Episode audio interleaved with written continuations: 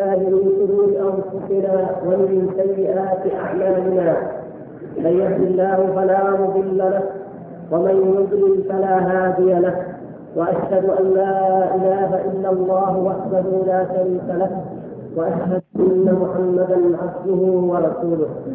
سبحانك اللهم لا علم لنا إلا ما علمتنا إنك أنت العليم الحكيم. أيها الإخوة الكرام السلام عليكم ورحمة الله وبركاته. فتقبل الله مني ومنكم طاعتنا وعبادتنا ورزقنا وإياكم التقوى والإخلاص في السر والعلن. إنه سميع مجيب. وبعد فالموضوع الذي أراد الإخوة والمشايخ جزاهم الله خيرا أن نتحدث فيه ليس بغريب ولا بجديد عليكم. ولكن نحب أن يضمنا وإياكم مثل هذا المجلس الذي نرجو أن يجعله الله تعالى مباركا فنلقاه عنده يوم نلقاه. فإنه ما جلس قوم مجلسا لم يذكروا الله فيه ولم يصلوا على النبي صلى الله عليه وسلم إلا كان عليهم سرة يوم القيامة أي نقيصة وحسرة كما ثبت ذلك في الحديث الذي رواه الإمام أحمد بسند صحيح. والموضوع أيها الأخوة الكرام كما تعلمون جميعا أننا أمة تنتسب وتتبع أفضل رسول وهو رسول الله محمد صلى الله عليه وسلم. وهذا الذي فضله الله تبارك وتعالى كما أخبر عن نفسه قال فضلت على الأنبياء بست وفي رواية أخرى بين في روايه فضلت على الأنبياء بست فذكر منها النبي صلى الله عليه وسلم وكان النبي يبعث إلى قومه خاصة وبعثت إلى الناس عامة. وفي أخرى خمس. فهذه من إحدى ومن أعظم الخصائص والميزات التي تميزت بها رسالة محمد صلى الله عليه وسلم. وغير ما ذكره الله تبارك وتعالى وأمره به في كتابه الكريم حيث قال وما أرسلناك إلا رحمة للعالمين وقال جل شأنه وما أرسلناك إلا كافة للناس بشيرا ونذيرا فرسالته صلى الله عليه وسلم ودينه وشرعه عام. وهذا العموم من جهتين. الجهة الأولى من جهة عموم من أرسل إليهم.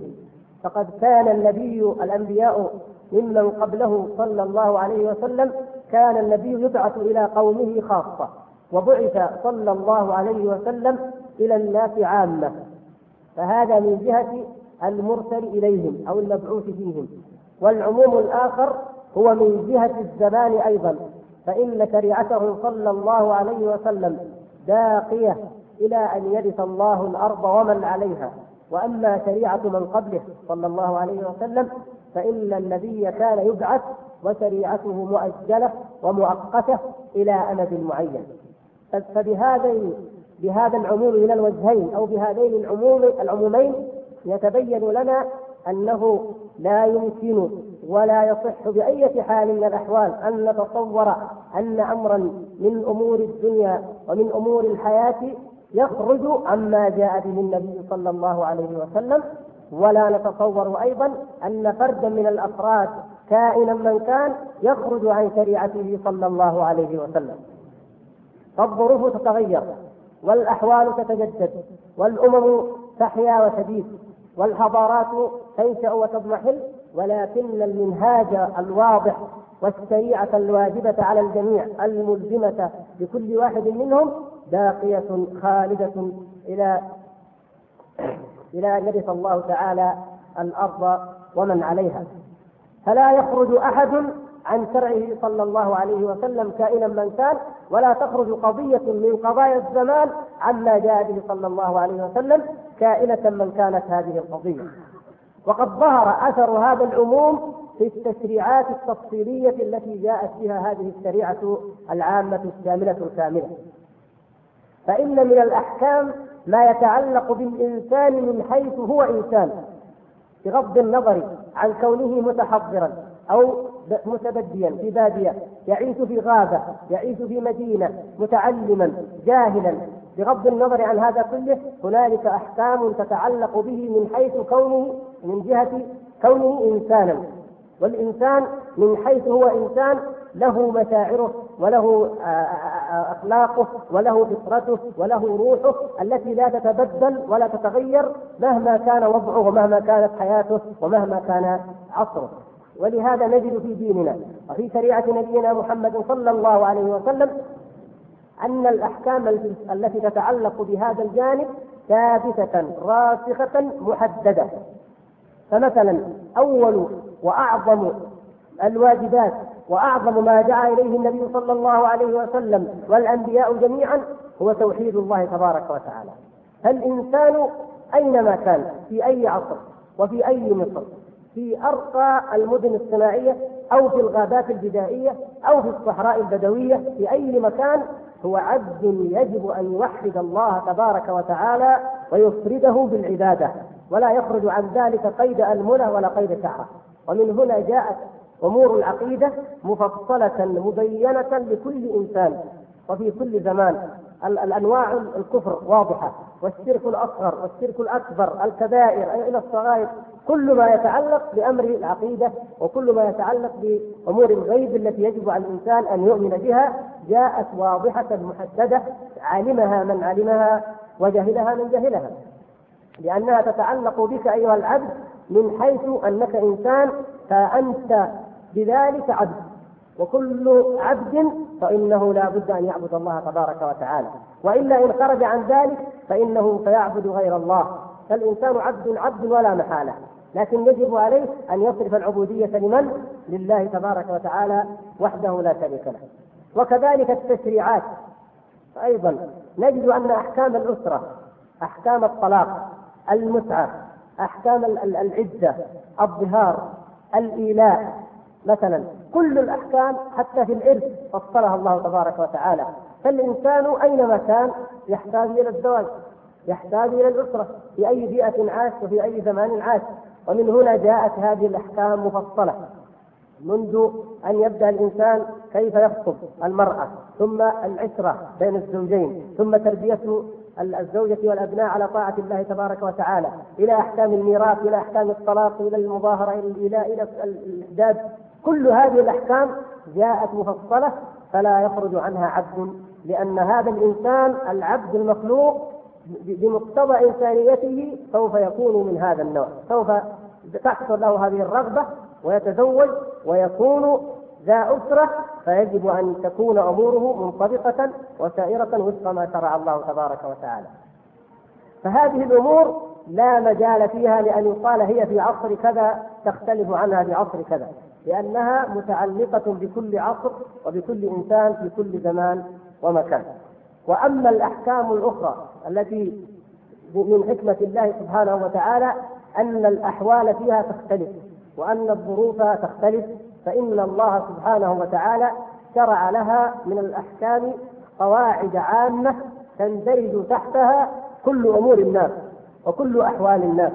أمر الله تبارك وتعالى بالعدل ونهى عن الظلم.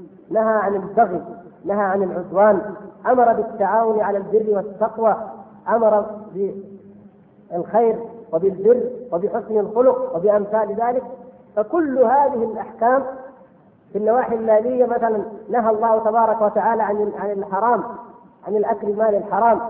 والإنسان يجد أنه مهما تغيرت أنواع المال أو أنواع الممتلكات فهي إما حلال وإما حرام. فهذه القواعد العامة تحكم وتضبط هذه الأمور وتندرج تحتها مهما تغيرت الأزمان ومهما تغيرت الأحوال. يبقى جانب من الجوانب التي تتغير بتغير العصور وهو ما يتعلق بجانب الوسائل وسائل الحياة.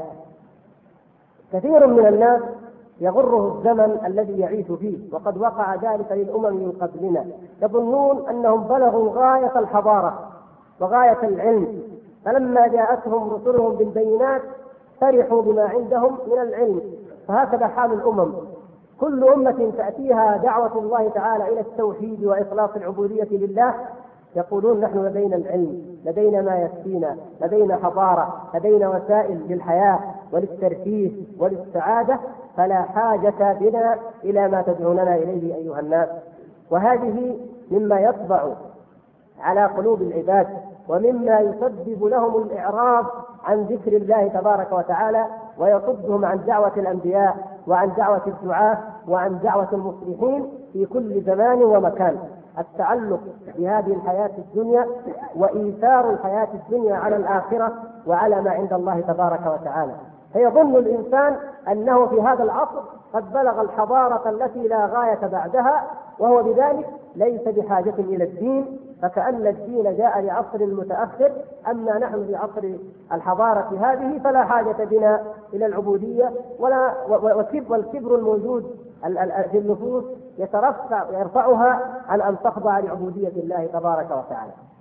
وهذا جواب قديم أجاب به قوم فرعون وأجابت به عاد وثمود وقوم نوح وكل من سبقنا من الأمم التي ذكر الله تبارك وتعالى أنهم أثاروا الأرض وعمروها أكثر مما عمرها من بعث فيه محمد صلى الله عليه وسلم وأنهم ما بلغوا معشار ما آتى الله تبارك وتعالى تلك الأمم. وآثارهم أيها الإخوان الكرام آثارهم باقية شاهدة الآبار المعطلة والقصور المكيدة والسدود المنيعة والحصون الأهرامات مدائن صالح الأماكن التي تقصد للسياحة لما يسمى السياحة سبحان الله العظيم. النبي صلى الله عليه وسلم أمرنا وهو وهو مفهوم كتاب الله عز وجل ومنطوقه أن نمر إذا مررنا بهذه الديار أن نمر بها مستعبرين أي باكين مسرعين والا نقيم فيها. ليست هذه للتفرج ولا للتنزه ولا للتفسح لا الأهرام. ولا مدائن صالح ولا سد مأرب ولا كذا ولا كذا. هذه إنما هي للعبرة والاستعاف ولكن أين المعتبرون وأين المستعظون الله تعالى جعلها علامات شاخصة ناطقة تشهد بما فعلت الأمم قبلنا. الذين طغوا في البلاد فأكثروا فيها الفساد فصب عليهم ربك صوت عذاب. ثم قال بعد ذلك إن ربك لبالمرصاد. فمن عمل مثل عملهم جوزي بمثل جزائهم وعوقب بمثل عقوبتهم. فكلا أخذنا بذنبه. فمنهم من أرسلنا عليه الصيحة منهم من أرسلنا عليه حاصبا ومنهم من خسفنا به الأرض ومنهم من أغرقنا. هكذا الأمم. كل أمة أخذت بذنبها. وإن اختلفت وإن تنوعت العقوبات. وبقيت هذه الآثار شاهدة على أن الحضارات مهما تطورت ومهما تقدمت ومهما تفننت في أساليب العيش في القصور المكيدة وفي المزارع الفخمة وفي وسائل الترفيه وفي وسائل التسلية فإنها لا بد أن يكون مصيرها إلى الدمار والخراب إذا عصت الله عز وجل وفسقت عن عن أمره تبارك وتعالى. المسارح الرومانية أيها الإخوان ما تزال إلى اليوم مسارح كان يجتمع فيها الرجال والنساء ويرقصون ويمرحون وكانت فيها الحلبات للمصارعة الحرة بين الرجال وللمصارعة بين الوحوش. كل هذا كان في القديم. الدورات الأولمبية التي نسمع عنها اليوم من اسمها ومن تاريخها كانت موجودة عند اليونان بجميع أنواع الألعاب المختلفة وكانت معروفة لديهم. فكل أمة أخذت في هذا الجانب وتظن أنها في غاية الحضارة وفي قمتها وأن أي أي داعية يدعوها إلى الله وإلى الدار الآخرة فإنه لا استجابة له ولا إذعان ولا قبول لأنه يدعونا إلى أن نترك هذه الوسائل وهذه الحضارة وننسلخ منها ونطلب المتاع الذي لا يريدون أن يطلبوه ويؤثرونه على ما عندهم من المتاع. ثم خلق الله تبارك وتعالى من بعده بالخلود وجئنا نحن في هذا العصر واستجد في هذا العصر أحداث وأحداث. فمما يظن الناس أنه بما أننا اليوم نركب الطائرة أو نركب السيارة أو أن بعضا من الناس قد غزا الفضاء أو ما أشبه ذلك أن أمر الدين وأمر الله تبارك وتعالى كله أو بعضه لا لا ينبغي أن يقال أو يقدم في هذا العصر في عصر الحرية وفي عصر الانطلاق وعصر كذا وكذا والتطور وأمثال ذلك. الجواب عليه كما سبق أن أوضحنا هذه الشبهة الشيطانية أن الإنسان هو الإنسان. إن كان على الأرض وإن كان في الفضاء وإن كان في أي مكان فهو عبد. عبد لله تبارك وتعالى. ويجب أن يعبد الله وأن يوحد الله تبارك وتعالى. وأما أن الإنسان يطلب زيادة في الترفيه وفي التنعم فهذا من فضل الله عز وجل. ولا ضير في ذلك بل من أعظم ما ميز الله تعالى به الإنسان عن الحيوان أن الإنسان يعمر الأرض يعمرها لكن يجب أن يعمرها بما أمر الله تبارك وتعالى.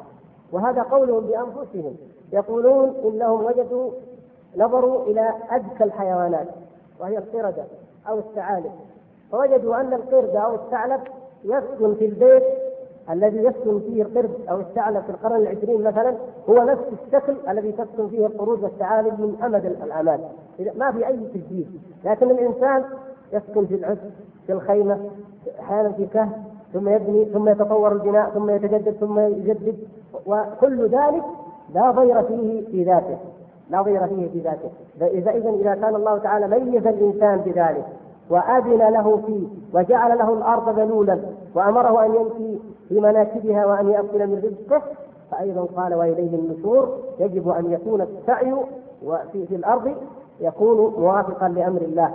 فلتتجدد هذه الوسائل ما شاءت المهم أن الإنسان يكون قلبا وقالبا خاضعا لأوامر الله تبارك وتعالى. فلا لا تذم آه، اللذة أو حب الخير أو حب النفع أبدا بل أمرنا النبي صلى الله عليه وسلم أن نحرص على ما ينفعنا ونحمد الله تعالى أن ديننا كذلك ولله الحمد فما من خير إلا وسلم عليه النبي صلى الله عليه وسلم وما من طيبة إلا وأحلها لنا الله تبارك وتعالى في كتابه أو على لسان رسوله صلى الله عليه وسلم إذا ما الذي حرم علينا؟ ما الذي منع عنا؟ ما الذي نهينا عنه؟ مهما تغيرت الأزمان والعصور هو ما حرم الله تبارك وتعالى أأن كانت الخمر تصرف من من العنب أو من الشعير تصنع منه بطريقة بدائية في أواني من الفخار هذه حرام. فإذا صنعت في زجاجات فاخرة وختمت بالسمع وهكذا أصبحت حلالا؟ لا والله. المرأة إذا كانت بدوية أو متنقبة أو في البادية أو في الخلاء أو في القرية حرام أن ننظر إليها وحرام أن يخلو بها إلا ذو محرم وكذا وكذا. فإذا كانت في متعلمة أو مثقفة أو في المدينة أو في وسيلة من وسائل الإعلام أصبح النظر إليها حلالا؟ لا والله. الوسائل تتغير والوسائل تتجدد ولكن الحكم لا يتغير ولا يتبدل. واللذة أو المنفعة لا تخضع لا تأتي في هذا الجانب. الله سبحانه وتعالى فطر الإنسان على على طلب الخير ولذة الخير ولكن ما الضابط وما الرادع وما المعيار الذي نعرف به هذه اللذة النافعة من اللذة الضارة الأشجار وهي أشجار أقرب إلى الجماد تتجه عروق الشجرة إلى جهة الماء وتتجه أيضا أغصانها إلى جهة الضوء لماذا؟ تريد أن تحيا تريد أن تنمو هل هذا يضير؟ لا في ذلك الإنسان يريد أن يتغذى هل حرم الله تعالى ذلك؟ لا الإنسان يريد أن يتزوج هذه الرغبة الجنسية؟ هل حرمها الله قطعها بالكلية؟ ليس في ديننا رهبانية. الإنسان يريد أن يمتع ناظريه ويرى هل حرم الله تعالى ذلك؟ أي طيبة لم يحرمها الله تبارك وتعالى. في أي عصر وفي أي ولكن الذي حرمه الله تبارك وتعالى والذي جعله الله تعالى معيارا للتمييز بين النافع وبين الضار من هذه الملذات ومن هذه الشهوات هو أن نتبع ما شرع الله تبارك وتعالى. فإذا اتبعنا أمر الله ووقفنا عند حدود الله وتمتعنا بالطيبات التي أحلها الله ففي ذلك الغنية كل الغنية عما حرم الله.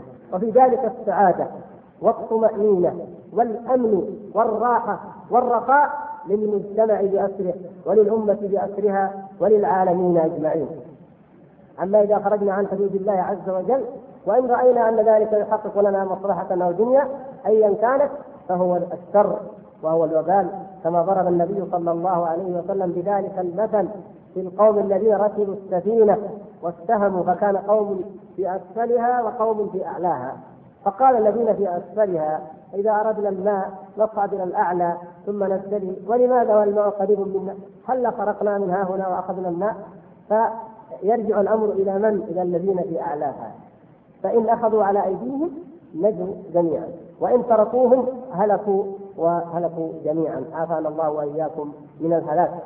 فالإنسان كونه يطلب الشيء لا مانع لكن تطلبه من الطريق المشروعة لا تخرق لا ت... لا تقول أنا أريد أن أمتع ناظري بما أشاء بهذه الوسائل الجديدة.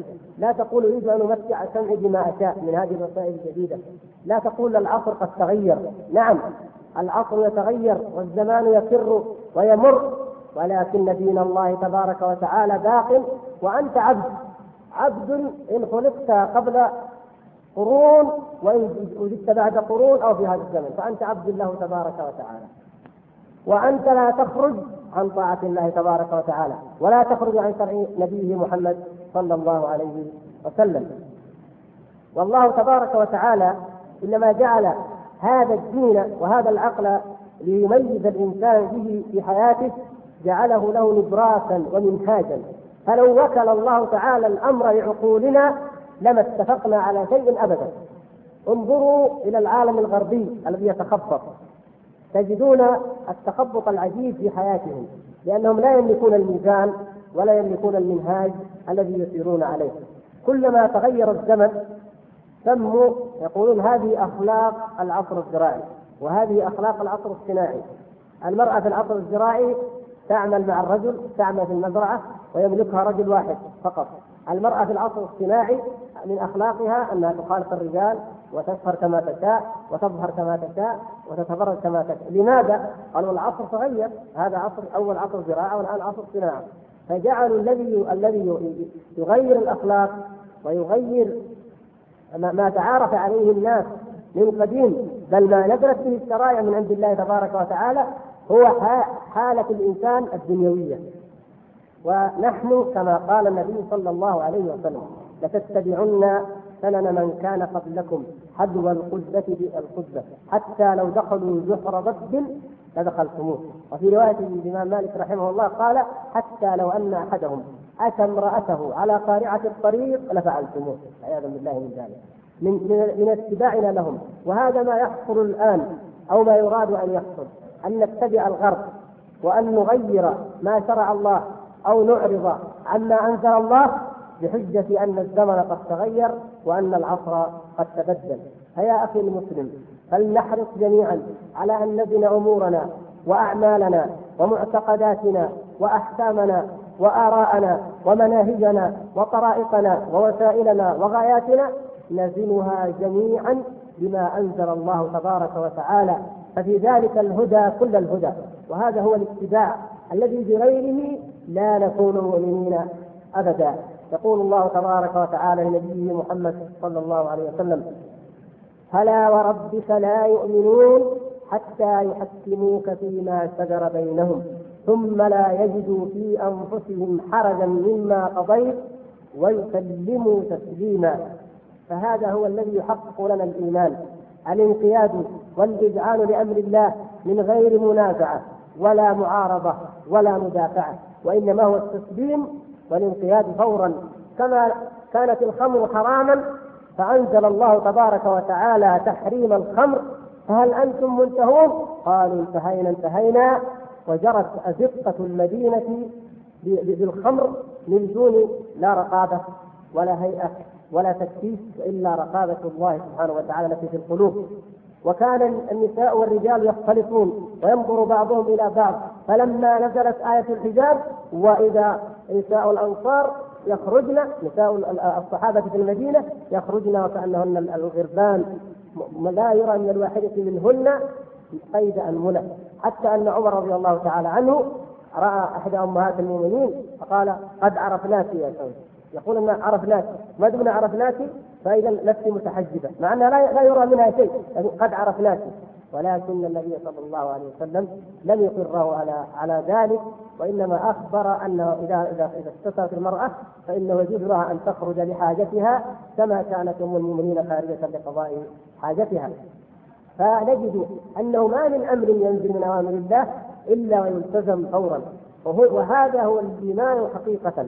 ولهذا من الله تبارك وتعالى على هذا الجيل وعلى هؤلاء الصحابة فتح لهم الأرض وسخر لهم خزائن كسرى وقيصر حتى أنفقوها في سبيل الله تبارك وتعالى كما أخبر بذلك النبي صلى الله عليه وسلم إذا هلك كسرى فلا كسرى بعده وإذا هلك قيصر فلا قيصر فلا قيصر بعده والذي نفسي بيده لتنفقن كنوزهما في سبيل الله عز وجل وأنفقت لماذا؟ لأن من حقق العبودية لله جعل الله تبارك وتعالى عباده الآخرين عبيدا له فجاءوا بأبناء الملوك مفسدين بالحديث. وهم لهم حضارات ولهم وسائل ولهم ولهم من التطور والتقدم. ولكن إذا عصينا الله عز وجل فإننا نهون عليه تعالى حتى يسلط علينا أولئك فنكون عبيدا لهم عافانا الله وإياكم. ولهذا لما جاء إلى بعض أصحاب النبي صلى الله عليه وسلم. ببعض الأسرى وكانوا من قبرص أو من بعض بلاد الروم فرآهم عظام ضخام الجثة من الروم والعرب كانوا يهابونهم فلما رآهم بكى بكى. قيل وما تبكي؟ أتبكي وقد أعز الله الإسلام وجاء بهؤلاء القوم عديدا مقرنين في السلاسل قال إني لا أبكي أن الله تعالى عز الإسلام. ولكني أبكي أنني رأيت قوما عصوا الله عز وجل فهانوا عليه فكانوا فجيء بهم هكذا بعد العز والمنعة وإنني أخشى أن أن نعصي الله عز وجل فنكون عليه أهون من الإعلام. نعوذ بالله. وهذا الذي وقع في الأمة فيما بعد. هانت على الله عز وجل. سلط التتار وسلط الصيديين وسلط المستعمرين من كل حدث وصوت حتى ترجع إلى دينها. فالذل مرتبط بالمعصية والعزة مقترنة ومرتبطة بالطاعة نسأل الله سبحانه وتعالى أن يجعلنا وإياكم ممن يعزه الله تعالى بطاعته ولا يذله بمعصيته إنه سميع مجيب. والقاعدة الأخرى التي يجب أن نضعها في الاعتبار مهما تغيرت الأمصار والأعصار أيها الإخوة الكرام أن الله تبارك وتعالى يقول ولا تقف ما ليس لك به علم. إن السمع والبصر والفؤاد كل أولئك كان عنه مسؤولا. الإنسان مهما تغير الزمن فلك هذه هذه العين لك هذا السمع ولك هذا التفكير. انظروا هل تتغير هذه؟ مهما تغيرت الأزمان لا تتغير ابدا. هذه أعضاء منافع جعلها الله تبارك وتعالى لك. وهذه الأعضاء السمع والبصر وأيضا الحواس الخارجية هذه بالنسبة للقلب الذي هو موضع الإيمان مثل الموارد أو المجاري التي تصب جميعا في حوض واحد. أرأيتم إذا كان حوض أو بركة يصب فيها هذا المجرى نظيف وهذا المجرى النظيف وهذا المجرى النظيف كيف تكون نظافة هذه البركة؟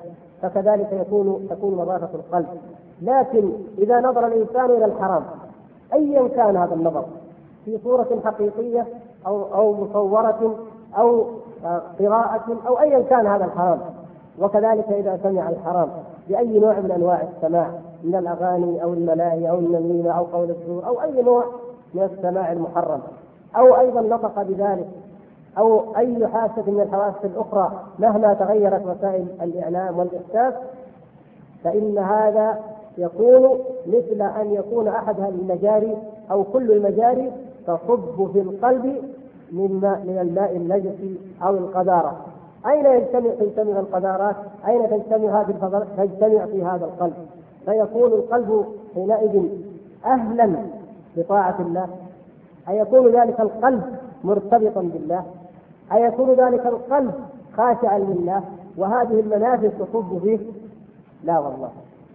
هذه مع الدوام ومع الاستمرار لا يبقى للقلب أي جزء وأي قدر من النظافة فإذا طمس عليه وطبع عليه لا لا تنفعه موعظة ولا ينتصح بنصيحة.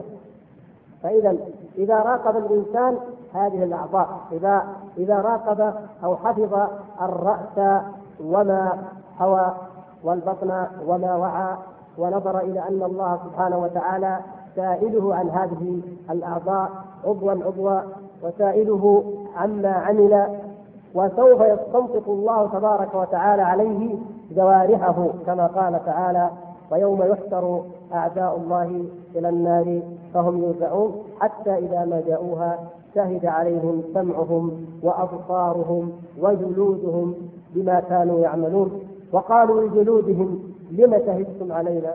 قالوا أنطقنا الله الذي أنطق كل شيء وهو خلقكم أول مرة وإليه ترجعون. وما كنتم تستترون أن يشهد عليكم سمعكم ولا أبصاركم ولا جلودكم ولكن ظننتم أن الله لا يعلم كثيرا مما تعملون وذلكم ظنكم الذي ظننتم بربكم أرداكم فأصبحتم من الخاسرين. نعوذ بالله من الخسارة هذه الخسارة الكبرى. فإذا هل تغير الأزمان تغير وسائل اللهو أو الفساد أو وسائل أو وسائل الحياة أيا كانت هل هذا التغير يعني أن جلدك لم يتغير؟ أن يدك لم تتغير أو تغيرت. لا لم يتغير جلدك ولا عينك ولا سمعك ولا بصرك من حيث أنها وظائف جعلها الله تبارك وتعالى أعضاء لوظائف أساسية تستخدمها. فإن استخدمتها في الطاعة مع أي وسيلة من هذه الوسائل كانت شاهدة لك يوم القيامة أو لم تشهد عليه وإن استخدمتها في المعصية أيا كانت الوسيلة التي استخدمتها بها سواء نظرت في منظر بدائي أو نظرت في منظر مما يسمى من المناظر المتقدمة ولا تقدم في الشر بل هو الانحطاط والسفور. أيا كان فالعضو عضو والشهادة يوم القيامة قائمة وسوف تنطق هذه الأعضاء وسوف تشهد. فمن كان ظنه بربه أنه لا يطلع عليه ولا يعلم خافيته عياذا بالله فهذه نتيجة الخسارة الكبرى وتشهد عليه هذه الأعضاء بما يوثقها الله تبارك وتعالى به. ومن كان ظنه بربه أنه مطلع عليه وأنه رقيب وحسيب فعليه أن يتوب إلى الله وأن يستغفر الله تبارك وتعالى وأن يراجع نفسه ابتداء من إصلاح قلبه وإيمانه وتوحيده وإخلاصه ويقينه ثم المحافظة على أوامر الله تبارك وتعالى وأعظمها هذه الصلوات الخمس أداء أداء جماعة في المساجد. ثم المحافظة على هذه الأعضاء التي سوف يسأل عنها يوم القيامة. فلا يزول فكره إلا في حلال أو فيما أمر الله. ولا يمد عينه إلا إلى ما أحل الله تبارك وتعالى. ولا يبطش بيده أو برجله إلا إلى ما أحل الله تبارك وتعالى. ولا يمس ولا يقارب سمعه إلا ما أحل الله تبارك وتعالى. فحينئذ تكون له الصفحات البيضاء وتكون له يوم القيامة النجاة ويكون له الفوز ولا أريد أن أستأثر عنكم بالوقت فإن الوقت ضيق. ونسال الله تبارك وتعالى أن يعمر أوقاتنا جميعا بطاعته وما يرضيه. أتابكم الله وإياهم والحمد لله رب العالمين.